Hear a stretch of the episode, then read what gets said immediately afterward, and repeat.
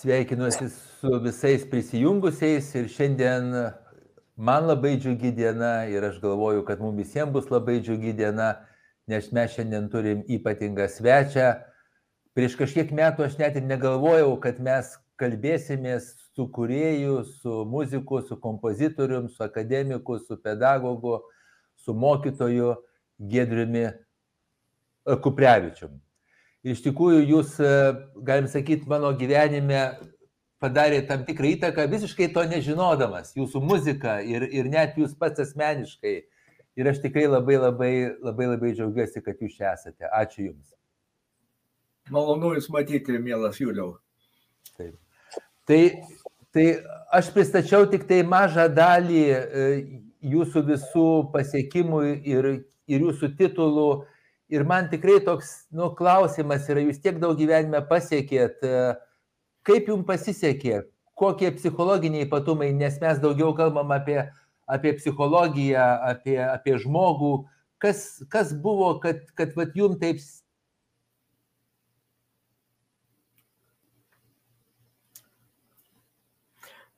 Na, jūs šiek tiek įstrigot kadre ir matau, kad ne iki galo pasakėt, ne, ne iki galo išgirdau jūsų klausimą, bet supratau, kad, kad kalbėsim apie psichologinį sėkmės arba nesėkmės aspektą. Ir tai yra labai svarbus momentas ypač jaunesniems žmonėms ir ypatingai dabar, COVID epidemijos metu, dėl to, kad daugelis motivacijų yra prislopintos arba visai užgesintos. Ir dažnai būna dvi priežastys to užgesinimo išorinės ir vidinės, kurios yra abi vienodai baisios. Ir mano pasaulį, kuris yra skambanti muzika arba norinti skambėti muzika, šiandieną yra labai daug dramų. Ir dramų yra su su, su, susijętų su jaunais, ypatingai su jaunais muzikantais. Seniai tai mes, mes visko matė, reiškia, ir barščių, ir, ir, ir, ir, ir, ir nebarščių, ir tuščiai, ir pilna lėkštė, kaip sakoma, bet jaunuomenė, jaunuomenė pirmas iki savo gyvenime išgyvena tokį nepatogumą. Dėl to visą laiką, reiškia, buvo, buvo visą laiką visam pasauliu siekiama yra labai priartėjus prie didelio kataklizmo, ten karo, reiškia, ar, ar, ar kažkokių intervencijų ribos, toj pat atsitraukti, kad vėl būtų gerai. O COVID, reiškia, yra ta, ta, ta situacija, kada negalima atsitraukti, dėl to, kad jisai yra, yra puolantis ir, ir tai yra karas. Karas, reiškia, kuriame niekas negali pasitraukti. Ir kur tu be pasitrauksi, tu vis tiek, reiškia, būsi kare ar užnugarė, ar fronte, reiškia, lygiai tas pats.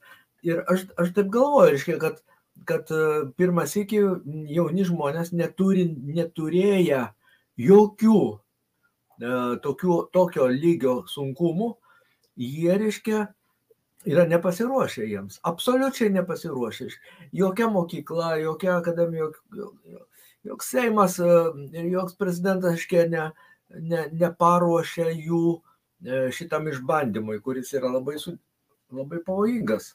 Daugelis net laiko ir, ir, ir, ir baigia gyvenimą tikrą to žodžio prasme.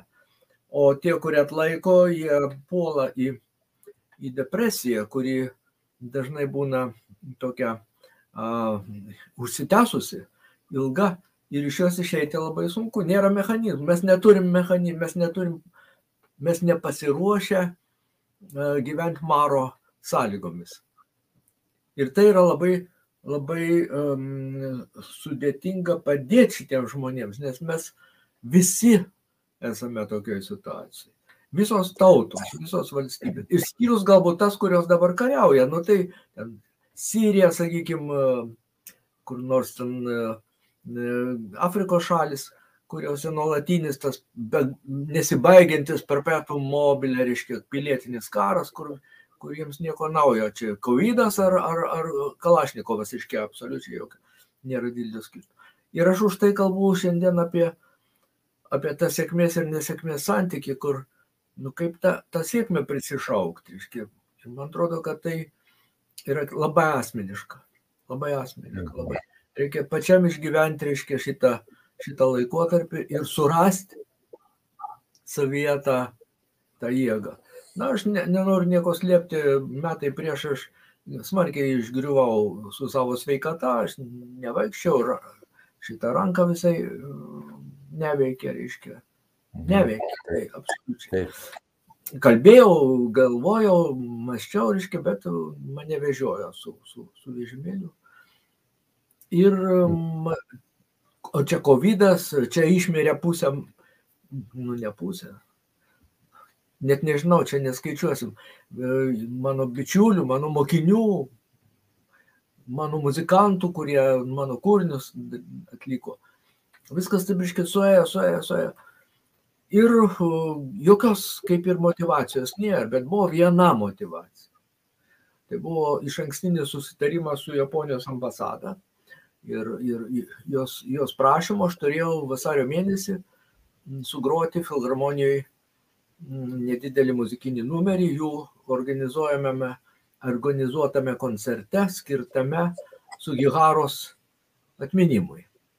Ir aš turėjau tenai sudalyvauti. Na, nu, kaip aš galiu sudalyvauti, jeigu aš ne, ne tik, kad ne, nepainu, bet ir nepagroju, reiškia, nu, absoliučiai ranką padidė ant klaviatūros, tai kaliošas guli, reiškia, jokio judesio. Ir tai buvo, tai buvo motivacija, kad aš turiu vis tiek pagroti, aš negaliu pasakyti jiems, žinot, nu taip išėjo, nu, gal toks negerumas. Ir aš pagrojau. Ir aš pagrojau, ir man, man tai buvo, man nerūpėjo niekas daugiau, man rūpėjo tik tai ta vasario mėnesio diena, kad aš turiu nuvažiuoti į Vilnių, mane nuvežė, nuvedė į, į salę, į filharmoniją. Ir aš įrašiau tą. Ir, na, kaip ten buvo, kaip nebuvo, reiškia, bet aš sugrojau taip, kad net draugai, ne, ne visi pažino, reiškia, kad aš ten po sugriuvimo kažkokio rimto labai. Tai aš kalbu apie tai, kad be šito nieks, jokie vaistai, jokie, jokie nutarimai, draudimai, leidimai, reiškia, niekas nepadės tau jeigu tu neturi motivacijos. Ir ta motivacija, reiškia, turi eiti, gali eiti ir iš, iš, iš šono, jeigu tu ją priimi, bet pirmiausia, neturi eiti iš tavęs pačio, iš, iš tavo vidaus, iš tavo nusiteikimo. Ir aš manau, kad ir, ir čia ir slypi sėkmė, kad yra motivacija, kuri visuomet priveda prie rezultato. Nėra motivacijos, nėra sėkmės, yra piktis, yra neapykanta, yra visi kalti. Tik aš, reiškia, vargšas nelaimingas, dar manęs niekas negaili prasideda. Nu, dar viens po kito, tie sluoksniai, kaip Napoleono torte, lipa viens ant kito, bet be jokio saldumo, be jokio skonio, tik ašaros, vaitojimai ir totalinė, reiškia, gyvenimo nemeilė. Mhm. Kiek aš stebėjau jūsų kūrybą, aš tikrai, žinokit, šiek tiek taip iš tolo, bet šiek tiek stebėjau at, jūsų tą gyvenimą ir kūrybą man pasirodė, kad jūs visą laiką buvote novatorius.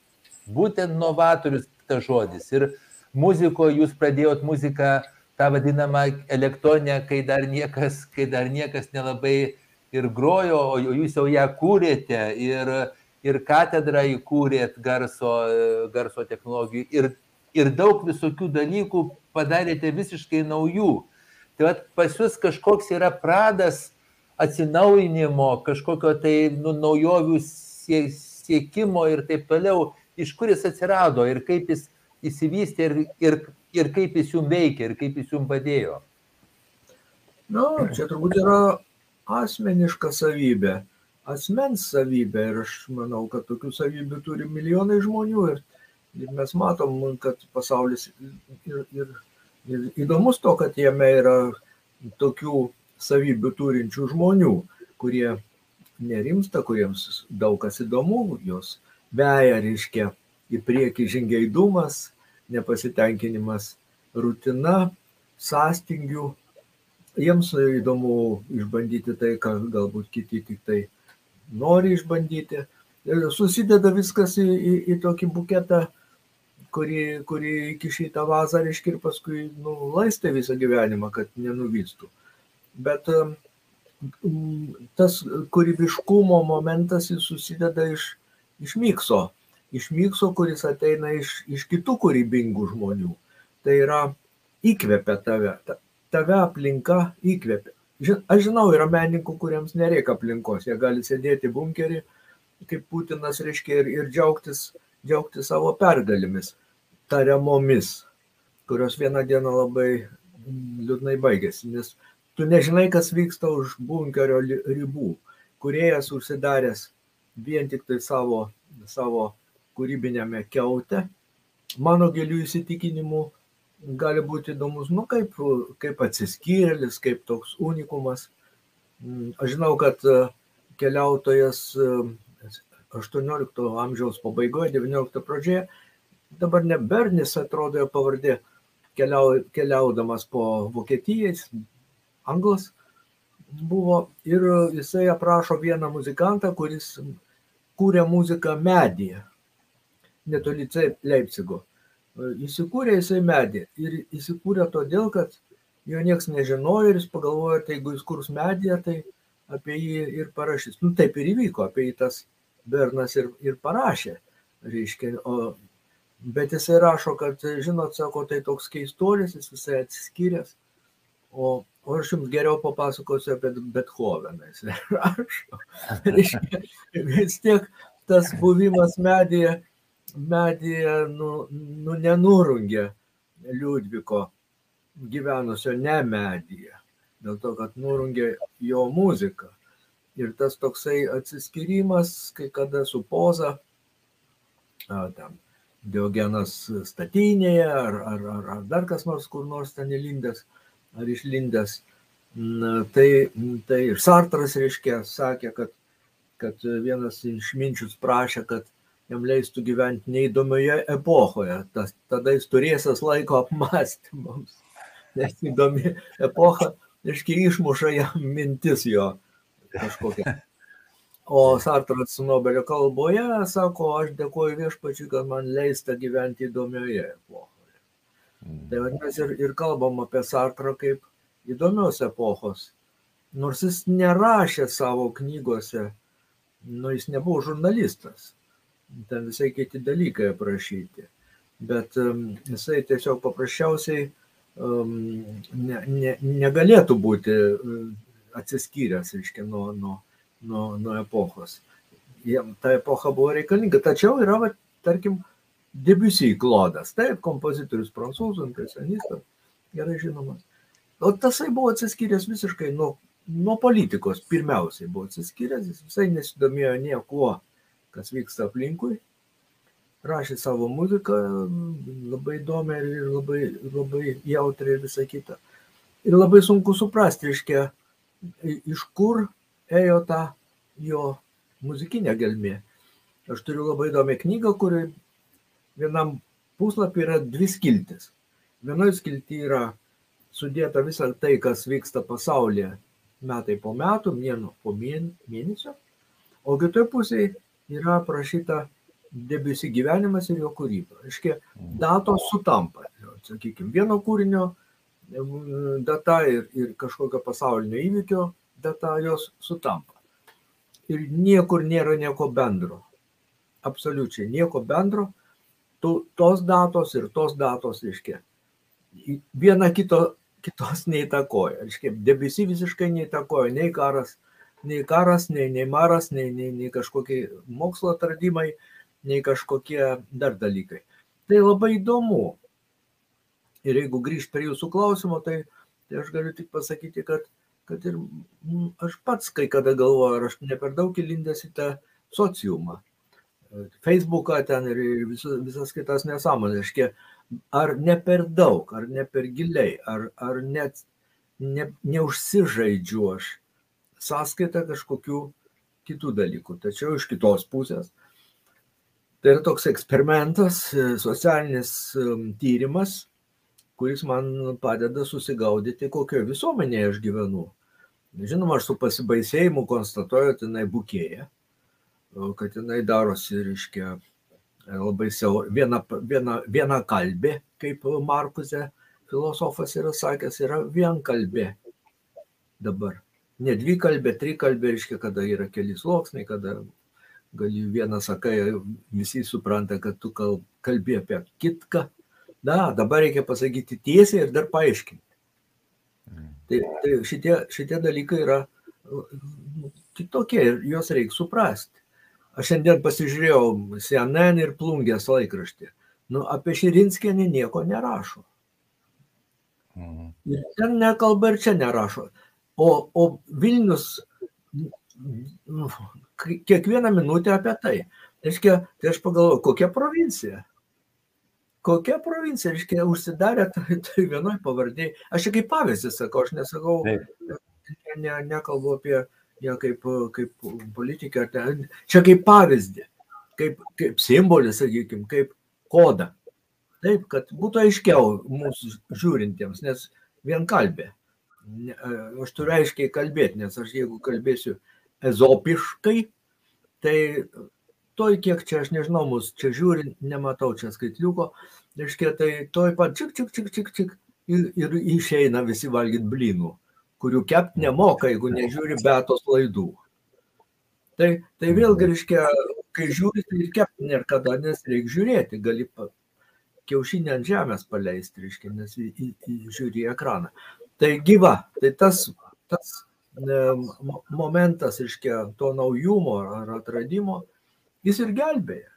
Jis ir gelbėja, dėl to, jeigu tu uh, gyvensi tik tai to, ką tau siūlo, aplinkui pagaminta, padaryta, nukainota, vėlikiškai vėlin, vėliniškai ar kalėdiškai nukainota, tai tu ir, ir, ir, ir savo kainą prarasi, tu, tu būsi nulis, tu, tu būsi tik tai mm, daiktas, kuris perka kitus daiktus. Mhm. Būsi, reiškia, daiktizme, tokiam šlikščiam, reiškia.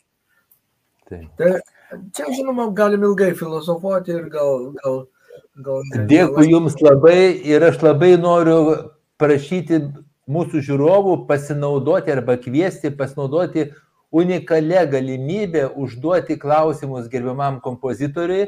Ir mes turim vieną klausimą apie jūsų garsų į kūrinį, kuris man asmeniškai yra labai, aš nežinau, kiek aš kartų klausiau plokštelę, nežinau, šimtus kartų e, klausiau ugnies medžioklės su varovais ir nuostabų kūrinį su nuostabiais balsais ir jau takaitės, nu man taip, man taip atrodė.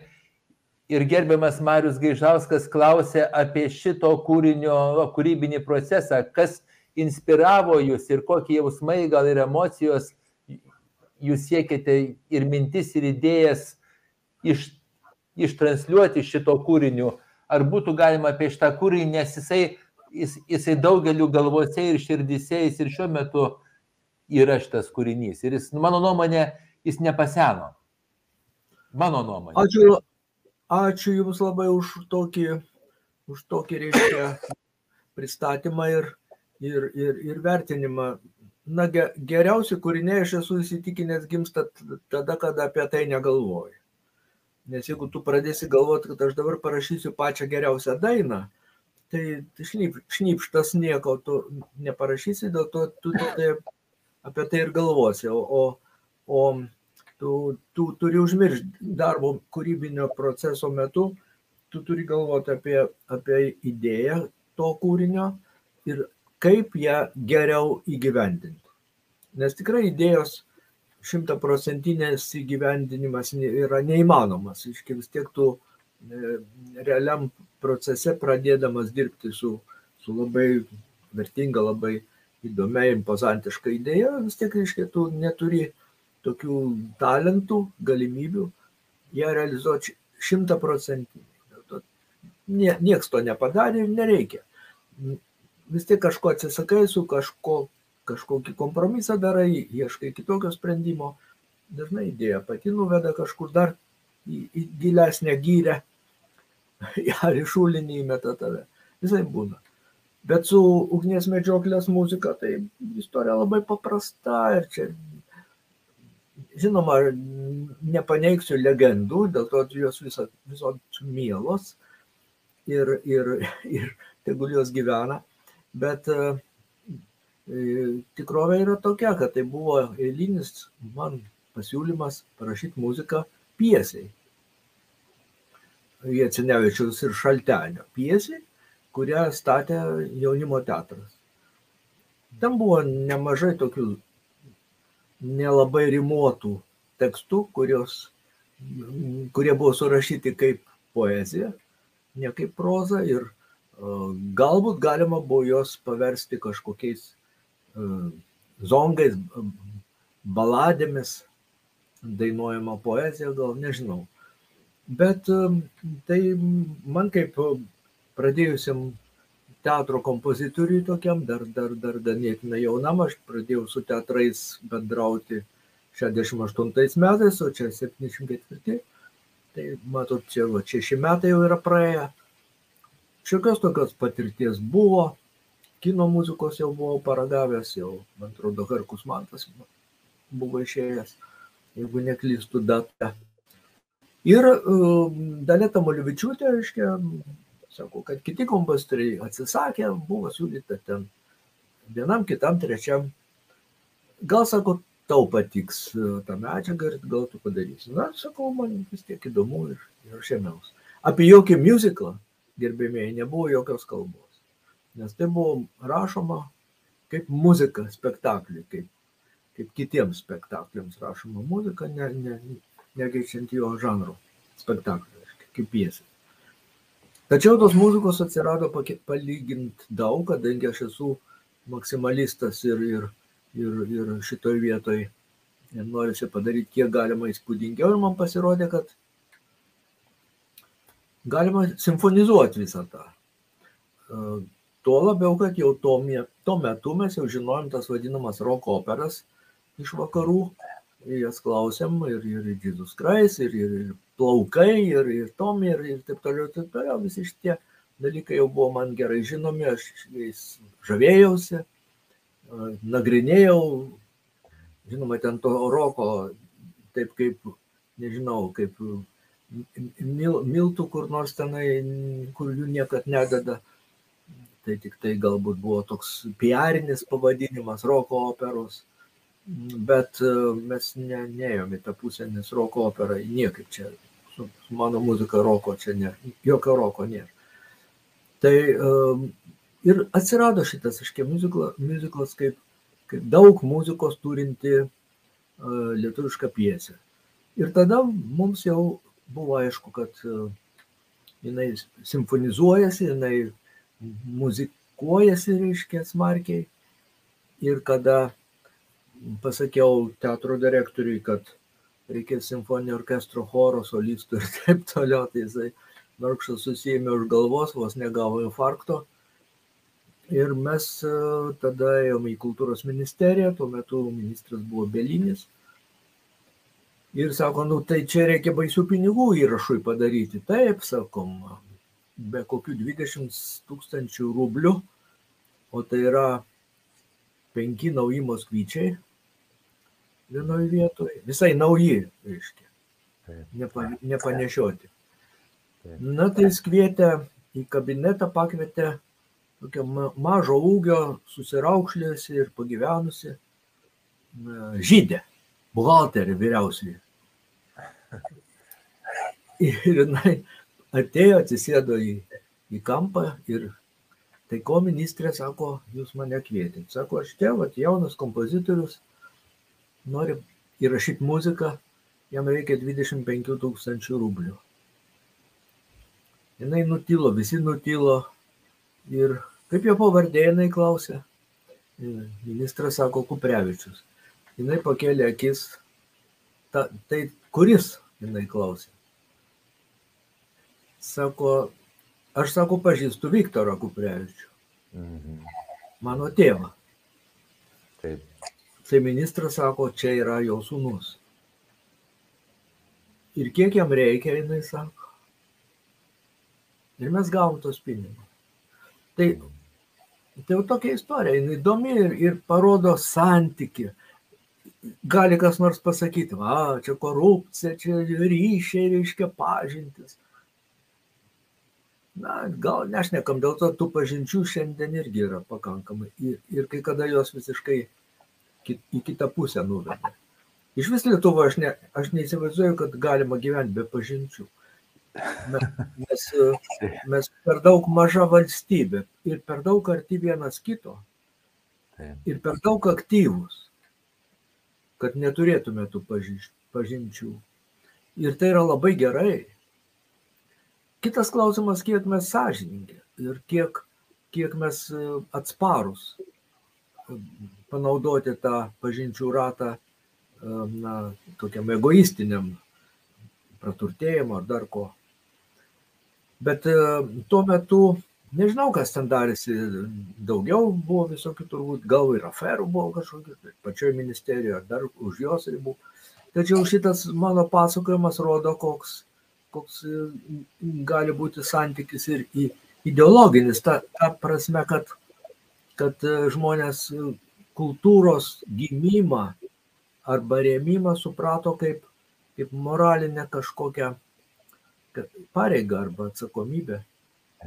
Ir, ir, ir tie pinigėliai iki paskutinio, iki paskutinės tuometinės kapeikos, iškiai, visi buvo panaudoti tam įrašui. Uždirbo apie šimtą žmonių, uždirbo tos pinigus. Per, per tą savaitę, kada mes įrašus darėm, kada jie buvo montuojami, kada buvo uh, daromos visos fonogramos, kada įrašomi solistai. Visa tai buvo, nu, reikėjo atlyginti žmonėms, jiegi iš kažko turi gyventi, jiegi gyvena iš savo smūkelių, trombonų, dainavimo. Taip. Labai padėjo laimio, laimio kon, um, choras Vilkončiaus laimė kuris puikiai sudainavo visą, reiškia, choro, choro partiją. Ir tada solistai čia man padėjo ir Mindaugas Urbaitis, kuris būtent pasiūlė jau tą kaitę, kurią jis žinojo iš savo bendravimo, jo dainas dainavo. Kernagis atėjo čia irgi kaip vienas iš herojų, kadangi aktoriai nebuvo labai dainuojantis Tamulevičiūtės kurso, tai mes turėjom fonogramą su kitais vokalistais, būtent tais, kurie yra ir plokštelėje. Ir kartu gimė ir Ganelino muziklas filmas, muzikinis filmas, Velnio nuotaka. Ir tie abu albumai dvigubi, galima sakyti, išėjo panašių metų. O jų krikštatėvis buvo puikus pop muzikos ir lengvos muzikos specialistas, džiazo muzikos specialistas, muzikologas Liūdas Šaltenis. Mes jau jo neturime, bet, bet jis, jis suvaidino labai rimtą vaidmenį ir, ir pramuždamas vat, šitos kūrinius kaip atskirus longplėjus. Taip. Tai, tai šiandien mes neturim tokių muzikologų, kurie, kurie galėtų kalbėti apie pop muzikos muziką apie batus, aprangą, skirybas pirmin, bet ne apie muziką. Mhm. Apie muziką niekas nešneka. Tai tokie rezultatai ir už tai ir Eurovizijos, dėl to apie muziką nešnekant, tai muzikos ir nėra. Nes tai. apie jį reikia kalbėti, reikia analizuoti, reikia ieškoti, kodėl nepasisekė. Arba kodėl galėjo pasisekti, bet nepadarėm iki galo. Mhm. Štai dabar įdėjau į Facebooką vieną naują dainelę, kurią parašė man nežinoma grupė.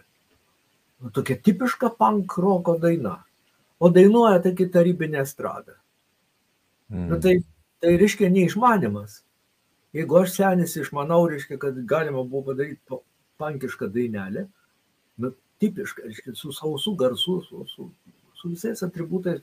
Tai tu paklausykit, to pankizmo pilnas eteris. YouTube ten yra kokie 5000 įrašų aš greit pasiklausiau, manau, nu kaip pat uždėjus tą, reiškia, kaliošą akustinę ant tos dainos, fantastika, jinai, reiškia, eitų, Lietuvoje, žinoma, Lietuvoje nebūtų populiari, nes čia reikia užstalės dainų, postalės tiksliau aš pasakyčiau, kada jau po stalu dainuoja, tai va tada viskas gerai. O, mhm. o reiškia, jinai eitų, eitų į užsienį, nes ten kitokia muzika šiuo, šiuo metu skamba. Mes gyvenam kaip kaip konservė kažkokiam konserve. Taip. Iš, išvalgytame. Ir už tai, už tai ta muzika stovi vietoje. Tai kodėl skamba kreuždutės arba dar kažkas dėl to, kad labai trūksta dainų. Niša tuščia. Ir Mhm. tada traukiama iš, iš praeities, bent kažką ištraukti, kad, kad paivairinti, paduoti daugiau iš kitos. Melodijos ar harmonijos ar dar kažko, ar kažkokių motyvų. Tai yra iš bado. Čia ne, ne tai, kad man labai reiktų džiaugtis, kad, va, žinot, man dainuoja, o, oh, wow, kiek yra YouTube tenai versijų, o, o, o skriski, skriski lietuvėlėm, kiek versijų, net lenkai dainuoja, japonai dainuoja lietuviškai. Tai yra. Netikėtai atsiuntė man draugai. Su mandalina groja krekždučių motyvą kažkur Danijoje. Kažkoks episkopas. Baisiai jokinga. Tai, tai uh, iš bado, žinot, tai ko čia džiaugtis? Bet Jau kelios kartos džiaugiasi kompozitorių, Vis kelios kartos džiaugiasi. Čia mano, mano vaikai ir jau anūkai klauso irgi. O kaip pat man įdomu, kai jūs klausot muzikos, bet jūs pasakėt, kad jums norisi uždėti kažkokią tai dar, ar pas jūs į- yra, kai jūs klausot muzikos, jūs, jūs tarsi kartu ir kuriat, ir kartu mėgaujatės, ir kartu dar pats galvojat, kaip pas jūs vyksta galvoje jūsų. Čia tiesiog įdomu man iš tokio psichologinio taško. E, Na, žinot, jeigu, jeigu atvirai, tai kūrybinį procesą, kūrybinio proceso metu jau tu jo neseki. Nes jeigu tu pradėsi kontroliuoti kūrybinį procesą, tai tu sustosi iš karto stop. Iškiek dėl to tu įjungsi visai kitą, kitus um, parametrus ir tu užsiblokuosi. Dėl to tu pradėsi galvoti, o kaip aš čia dabar va, šitą motyvą, reiškia, su, su, sugalvojau.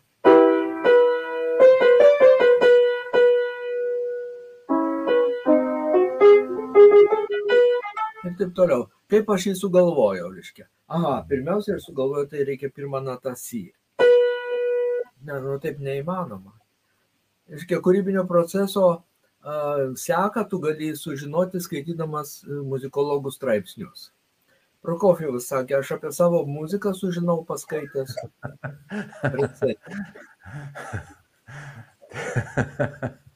Dažnai ten nieko apie muziką nerašo. Nes, nes jie netą išgirsta, ką tu rašiai. O publika išgirsta dažnai tą, ką tu rašiai. Bet jie nerašo recenzijų. O kai jie paskaito tokią recenziją, galvoja, pala, tai mes netą girdėjom. Mhm. Čia yra labai įdomu. Ir tavo to proceso, e, proceso e, suderinamumas, kada į vieną liniją sustoja mm, keturi mm, momentai - autorius, atlikėjas, klausytojas ir kritikas. Mhm. Tai kada jie sustoja į vieną liniją, reiškia, visi keturi, tai tada mes galim kalbėti apie Mozartą. Apie Mozartą. Bet apie Mozartą praėjus geriausiu atveju šimtui metų. Nes jeigu mes paskaitysim, ką rašė tuometinė spauda apie Mozartą, ką rašė tuometinė spauda apie Bramsą, ką rašė tuometinė spauda apie Čaikovskį, na, apie Pikudamą, tarkim, taip, Peterburgo laik- laikraštis rašo, cituoju, beveik tiksliai, kad e, vienintelis privalumas šitos operos, kad jinai pasmerkė mm, priklausomybę kortoms. Tai, e, tai ar neįvertinimas? Apie muziką, žinoma, ten nei žodžio, dėl to jinai baisi šitam kritikui pasirodė, žiauriai, žiauriai negraži, kaip dabar sako. Sako, tu žiauriai gražiai atrodai. A ne, baisiai gražiai atrodai. Tai, tai, Žiauriai švelnus kostiumėlis tavo. Taip? Arba žiauriai švelnios kojinės.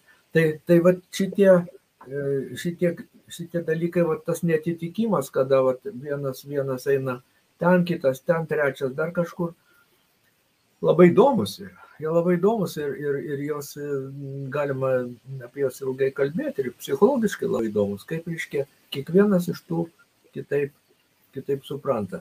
Man Eduardas Balsys, mano profesorius kompozicijos, sakė, kad tu pasi... nieko, nieko nepasitikėk. Šis kartoja žydų išmintį. Kada rabinas sako, vienam iš atėjusių, sako, tu žinai, aš tau patarimą turiu. Niekuo niekada nepasitikėk. Tai tas vargšas klausė, rabė, ir tavim ašgi sakau tau, niekuo niekada. Suprantat, iškia, jis nesavo ir manim nepasitikė. Bet niekuo niekada. Bet, balsis toliau tęsė, pasitikėk savo muzikos atlikėjais. Nes jie, jeigu jie paėmė tavo kūrinį, tai taigi jie paėmė tavo kūrinį. Tai jie vis tiek, reiškia, netyčia paėmė, kad įžeisti tave ar išsityčioti iš tavęs, reiškia, grojant atvirkščiai. Jie vis tiek stengsis jį parodyti geriausioje šviesoje. Ir jie tavimi pasitikė. Tai kaip tu gali jais nepasitikėti? Kai mane kviečia repeticija, aš sakau, jokių repeticijų aš neįsiu. Aš sakau, aš, aš esu gyvas klasikas. Aš sėdžiu namuose, laukiu skambučio. Ir vadybininko skambučio, kada bus kvietimai į koncertą, kuriame jūs mano tą kūrinį atliksite. Ir viskas. Dėl to, kad aš jumis pasitikiu.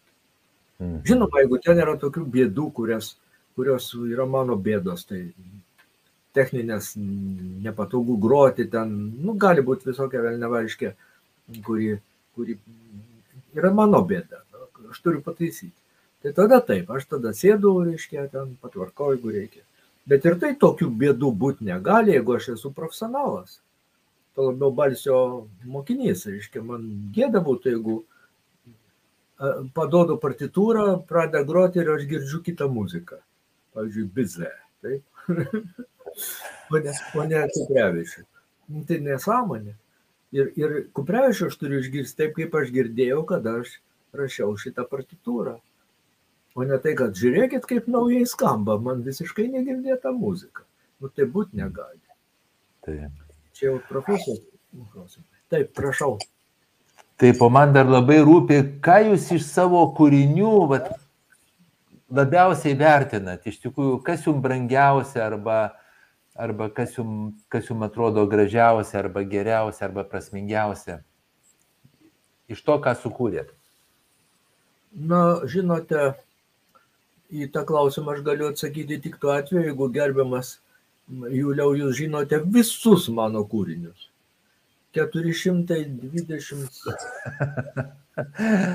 Aš pažiūrėjau, kad yra 300, 300 įdėta į, į Baisu. jūsų puslapį, virš 300. Ne, ne, aš tikrai nežinau, bet vat, gal, gal Aš kaip jūs pats, kas Pats jums nežinau atrodo, visų savo kūrinių.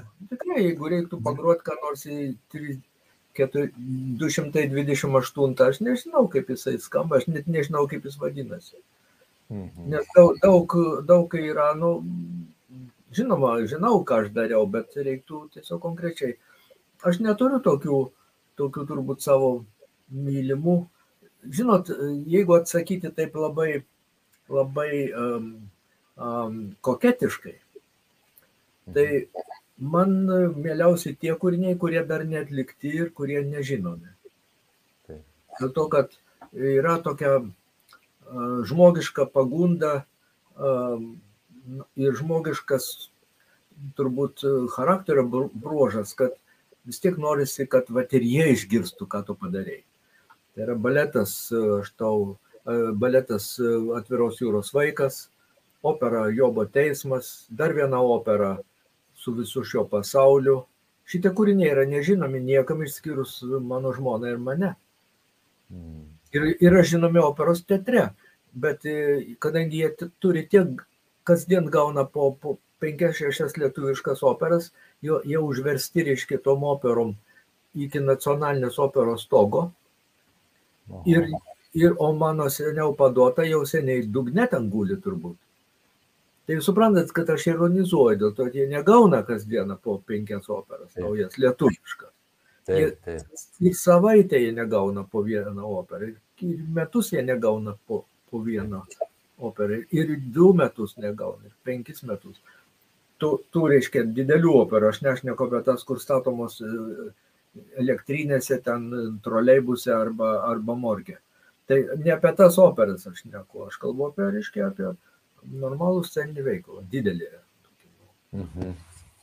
Tai taip ir laukiu, kada šitie kūriniai taip buvo su ir kitais, kai kurie ilgos, ilgo laukimo kūriniai, kai kurie labai greitai. Mhm. Pavyzdžiui, labai greitai atsirado opera Prūsai. Mhm. Dėl to tai buvo Stasio Domarko idėja, reiškia, Klaipėdos muzikinėme turėti ir prūsišką temą.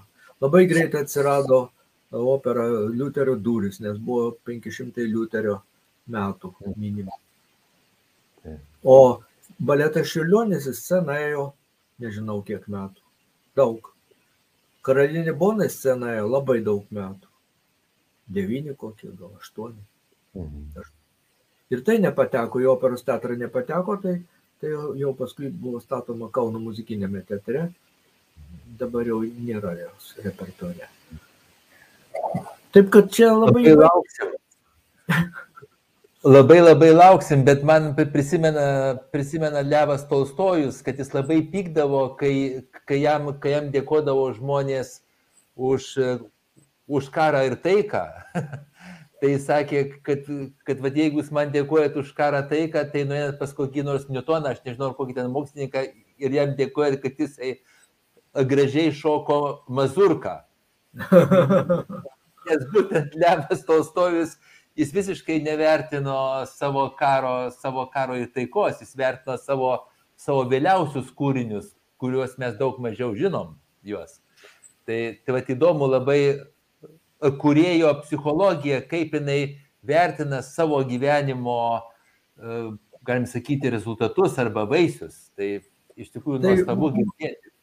Ir, ir, ir aš turbūt šioje vietoje tolstojininkas, kaip ir mano senelis, kuris mhm. buvo aušrininkas, tolstojininkas ir laisvamanis, Mykolas, Mykolas Kuprevičius, gydytojas, irgi turbūt šioje vietoje tolstojininkas kad ugnis medžioklė su varovais, tai, tai niekad nebuvo ir turbūt nėra man svarbiausias mano darbas dėl to, kad pasirodo, kad ir iš kitų, reiškia, melodijos kažkokios reiškia, gyvos. Ir, ir, ir, ir, ir iki dabar labai sunku pasakyti, bet tokių kažkokių atradimų ar, ar, ar, ar, ar kitų, kitų savybių ugnies medžioklė galbūt neturi, jinai nėra įtin originalus kūrinys ir ne, negalima būtų, reiškia, jo statyti ten į pirmą ar, ar, ar kokią tai ar antrą vietą. Bet visam peizaže mano kūrybinio, reiškia, darbo, jinai užima tokią svarbią vietą, aš ne, negaliu neigti ir jinai išsikovojo tokį tarptautinį pripažinimą, nes buvo pastatymai daugelį dar tuometinių respublikų. Ir, ir, ir Moldavijoje, Ukrainoje du ar trys net pastatymai, Rusijoje keli, mm, Moldavijoje, Estijoje, Latvijoje. Beje, ugnies medžioklės pirmoji premjera įvyko Valmieroje. Valmiera mm. tai yra Latvija. Ir pastatė kas kitas, o Modris Tenisons. Kauno pantomimos vadovas vėliau. Taip. Su kuriuo mes dirbom daug bendrų darbų. Mes turim klausimą dar apie jūsų, apie jūsų darbingumą ir jūsų šeimą, nes jūs kilęs iš labai iš tikrųjų tokios labai labai stiprios šeimos ir aš dar atsimenu jūsų tėčių, kai jūs eidavot ir, ir ir varpais, ir skambindavot, ir, vis, ir jūs paminėjote savo senelį. Gal truputį galite pasakyti, kiek jums šeima padarė įtaką, kad jūs esat toks, koks dabar esate iš tikrųjų? Na tai aš nesu vienišius, tokių um, kaip aš Lietuvos ir kultūros, mokslo, meno istorijoje yra labai daug. Ir tikrai Lietuvos inteligentija buvo ir yra labai stipri. Jis yra ir, ir labai įvairi, ir labai nerami. Ir jeigu tikrai prisiminti visą Kauno, Kauno istoriją nuo kokių tai 20 metų praeito šimtmečio, tai mes galim sakyti, kad visa modernioji literatūra, dailė, muzika, teatras neįsivaizduojami be Kauno, be Kauno tos, reiškia, to brandolio intelektualų, gal net ne visai intelektualų, nes nu, ne visi buvo taip smarkiai apsiskaitę kaip dabar, bet e, labai smarkiai siekė šito. Važinėjo po pasaulį, mokėsi, e, valstybė organizuodavo studijas Paryžiuje, tai meno žmonės, Vokietijos, Austrijos miestuose, tai mokslo žmonės, kiek mes turim dar nežinomų mums fizikų, matematikų, chemikų, kurie baigė studijas geriausiose pasaulio Europos universitetuose. Tai ir mano senelė baigė, reiškia, Kazanės universitete studijavo, studijavo mediciną ir, ir, ir taip toliau, ir taip toliau. Čia mes turime aibę. Tai aš nesu iškritęs iš medžio, reiškia, tam, ta, ta mada, tos inteligentiškos e, mąstysenos ir elgsenos e, Kaune buvo labai stipri.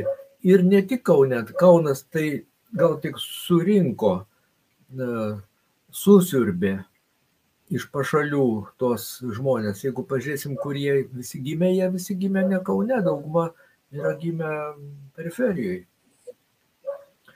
Paskui, ta, ta, paskui tas visas procesas persikėlė į Vilnių. Tada Vilnius labai daug pasiėmė žmonių iš Kauno. Ir, ir, ir, ir taip pat iš provincijos.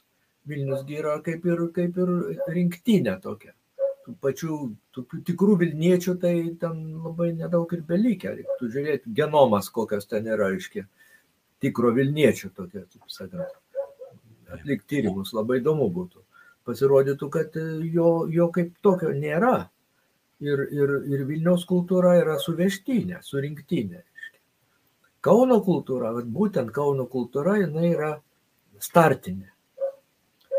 Tai tai šita, šita linkme na, mokslui dar tokie rodai tyrimams, kad daug dievė. Bet kadangi Kaunas jau yra nutolęs nuo Vilnius, tai čia mes turim tokią truputėlį užmirštą, e, nu, netiek dėmesio e, teikiamą e, zoną. Ir gaila dėl to, kad tai daug ką paaiškintų. Daug ką paaiškintų ypatingai tuose ginčiuose, kvailuose, kvailuose ginčiuose e, susietuose su meno kultūros politizavimu. Tai mes prida, pridarysim tiek bėdos, kad paskui reikės labai daug laiko atsukti viską atgal. Mes, mes nesugebam ramiai e, pasižiūrėti į vieną, į kitą, į trečią iškę, kaip kad jau daro e, kokie norvegai, italai, arba prancūzai. Tai mums dar toli iki tokio samoningumo, reiškia, kad mes galėtume ramiai kalbėti apie, apie vieną ar kitą epochos, vienos ar kitos epochos reiškinį. Ir tas mano būdas, jis, aš sakau, jis yra ne, ne unikalus dėl to, kad jis yra dalis bendros tos kaunietiškos, o, o dabar jau ir visos Lietuvos kultūros dalis. Mhm. Kalbant apie žmonės, kokie žmonės jum, jum buvo ir yra šviesuliai? Čia apie bet ką, apie muziką kalbant, apie bet ką, vat, kokie žmonės jūs manot, kad buvo jūsų mokytojai, kad buvo jūsų įkvėpėjai ir, ir jums labai imponavo? Pilas Juliau, jų yra labai daug vardinti visus, tai būtų, būtų, būtų, aš vis tiek ką nors užmirščiau, ne dėl to, kad aš esu užmiršęs, bet tiesiog su, šiuo momentu, reiškia, gali į galvą neteiti, nors paskui gailėsi, kad nepasakėjai.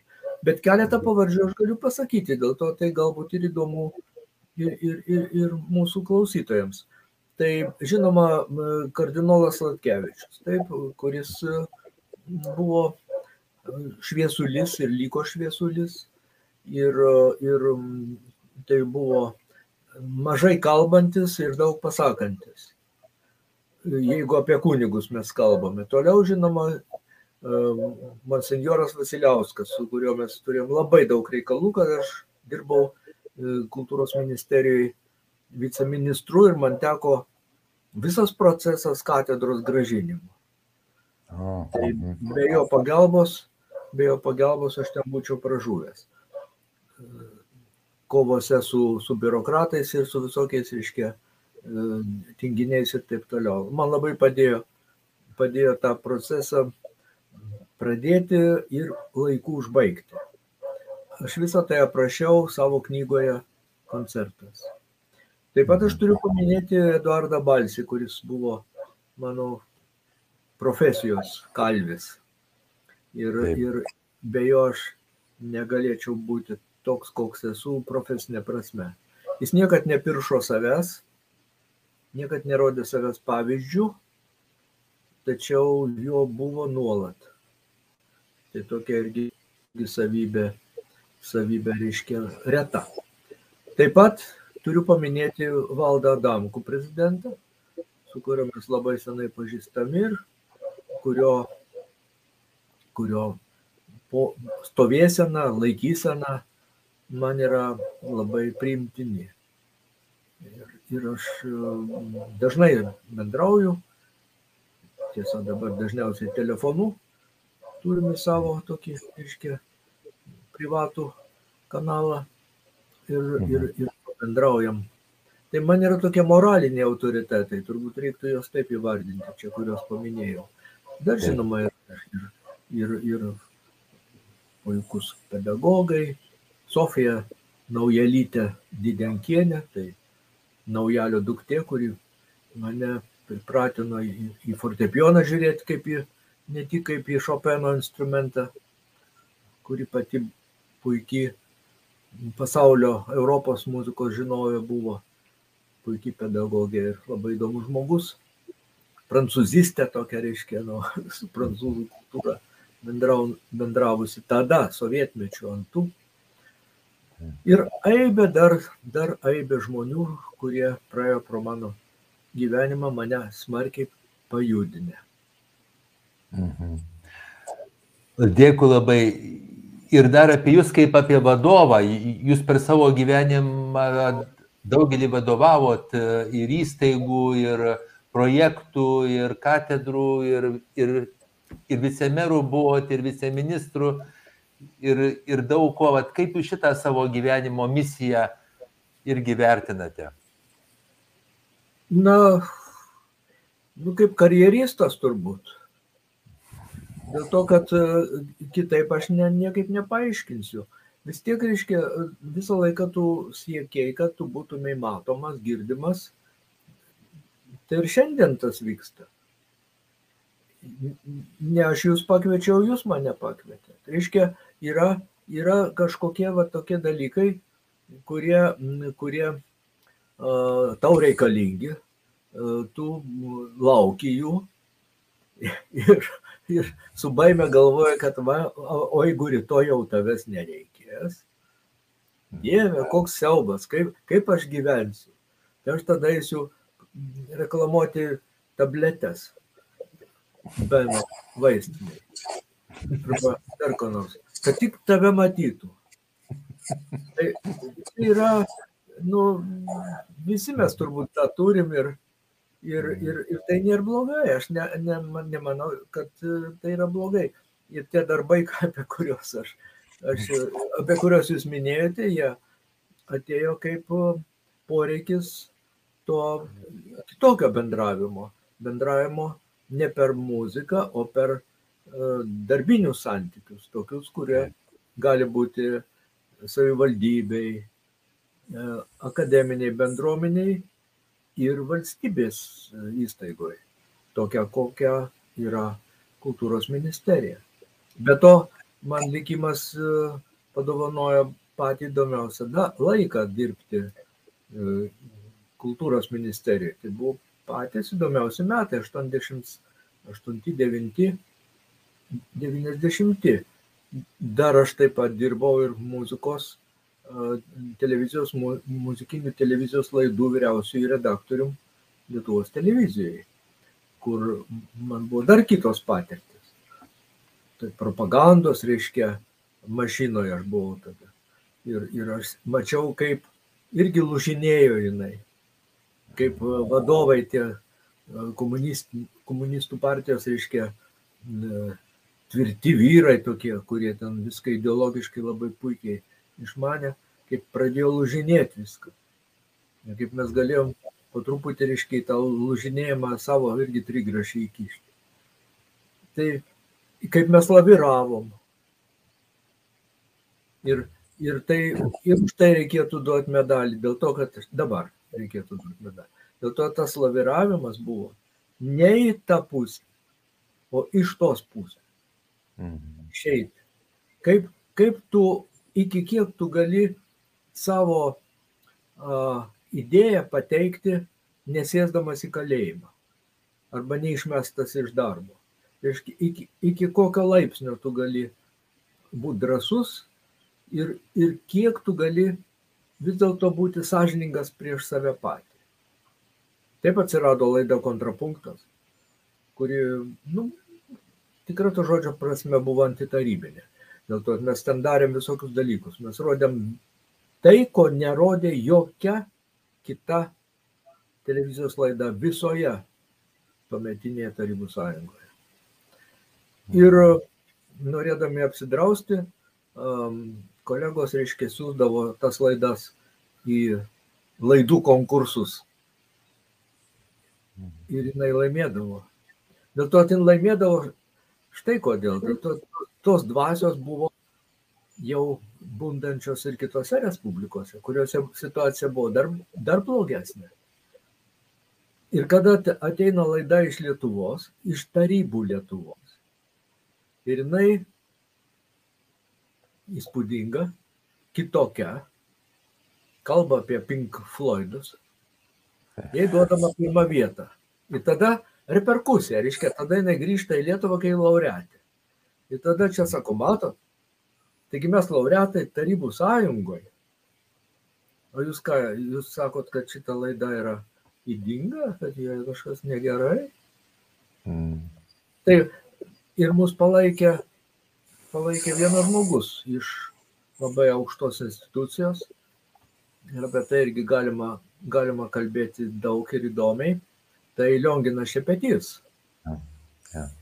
kuris e, mane sutikė, sako, aš žiūriu tavo tas laidas kontrapunktas. Na, nu, žinoma, ten yra to, nu ir trečia. Bet man užteko tos frazės, kai mane iškvietė ant kilimėlį ir sako, žinai, sako, draugas Kuprevičiau, reikėtų tą laidą perdaryti, dėl to ten yra tokie dalykai. Aš sakau, o gerbiamam draugui sekretoriui Lionginui Šepečiui mūsų laidos patinka. Ir viskas, ir baigėsi to. Iškia dingo visos, visos prie, visi priekaištai. Nes aš rizikavau, žinoma, jis galėjo paskambinti jam ir paklausti, ką čia Kuprevičius sako, ar tai tiesa, nu, bet koks žemesnis pareigūnas tais laikais drįstų skambinti aukštesniam pareigūnui.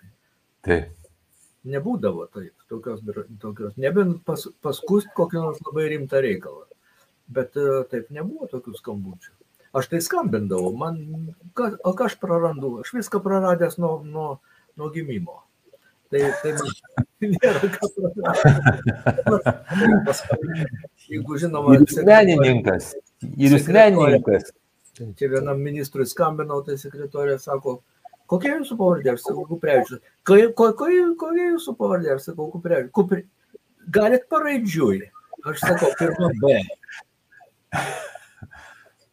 B. Pirma. Mm. Tai to, tokie pokalbiai. Dėkui Jums labai. Klausyčiau ir klausyčiau, žinokit, klausyčiau ir klausyčiau, bet mūsų jau baigėsi laikas. 15 sekundžių mūsų pokalbio. Gal, gal kokį sakinį, čia mes turim klausimą dar apie prasme. Vat kas jums yra prasmė? Gal, gal kažkokį vieną, vieną sakinį ar, ar vieną frazę? Užstrigo kažkur.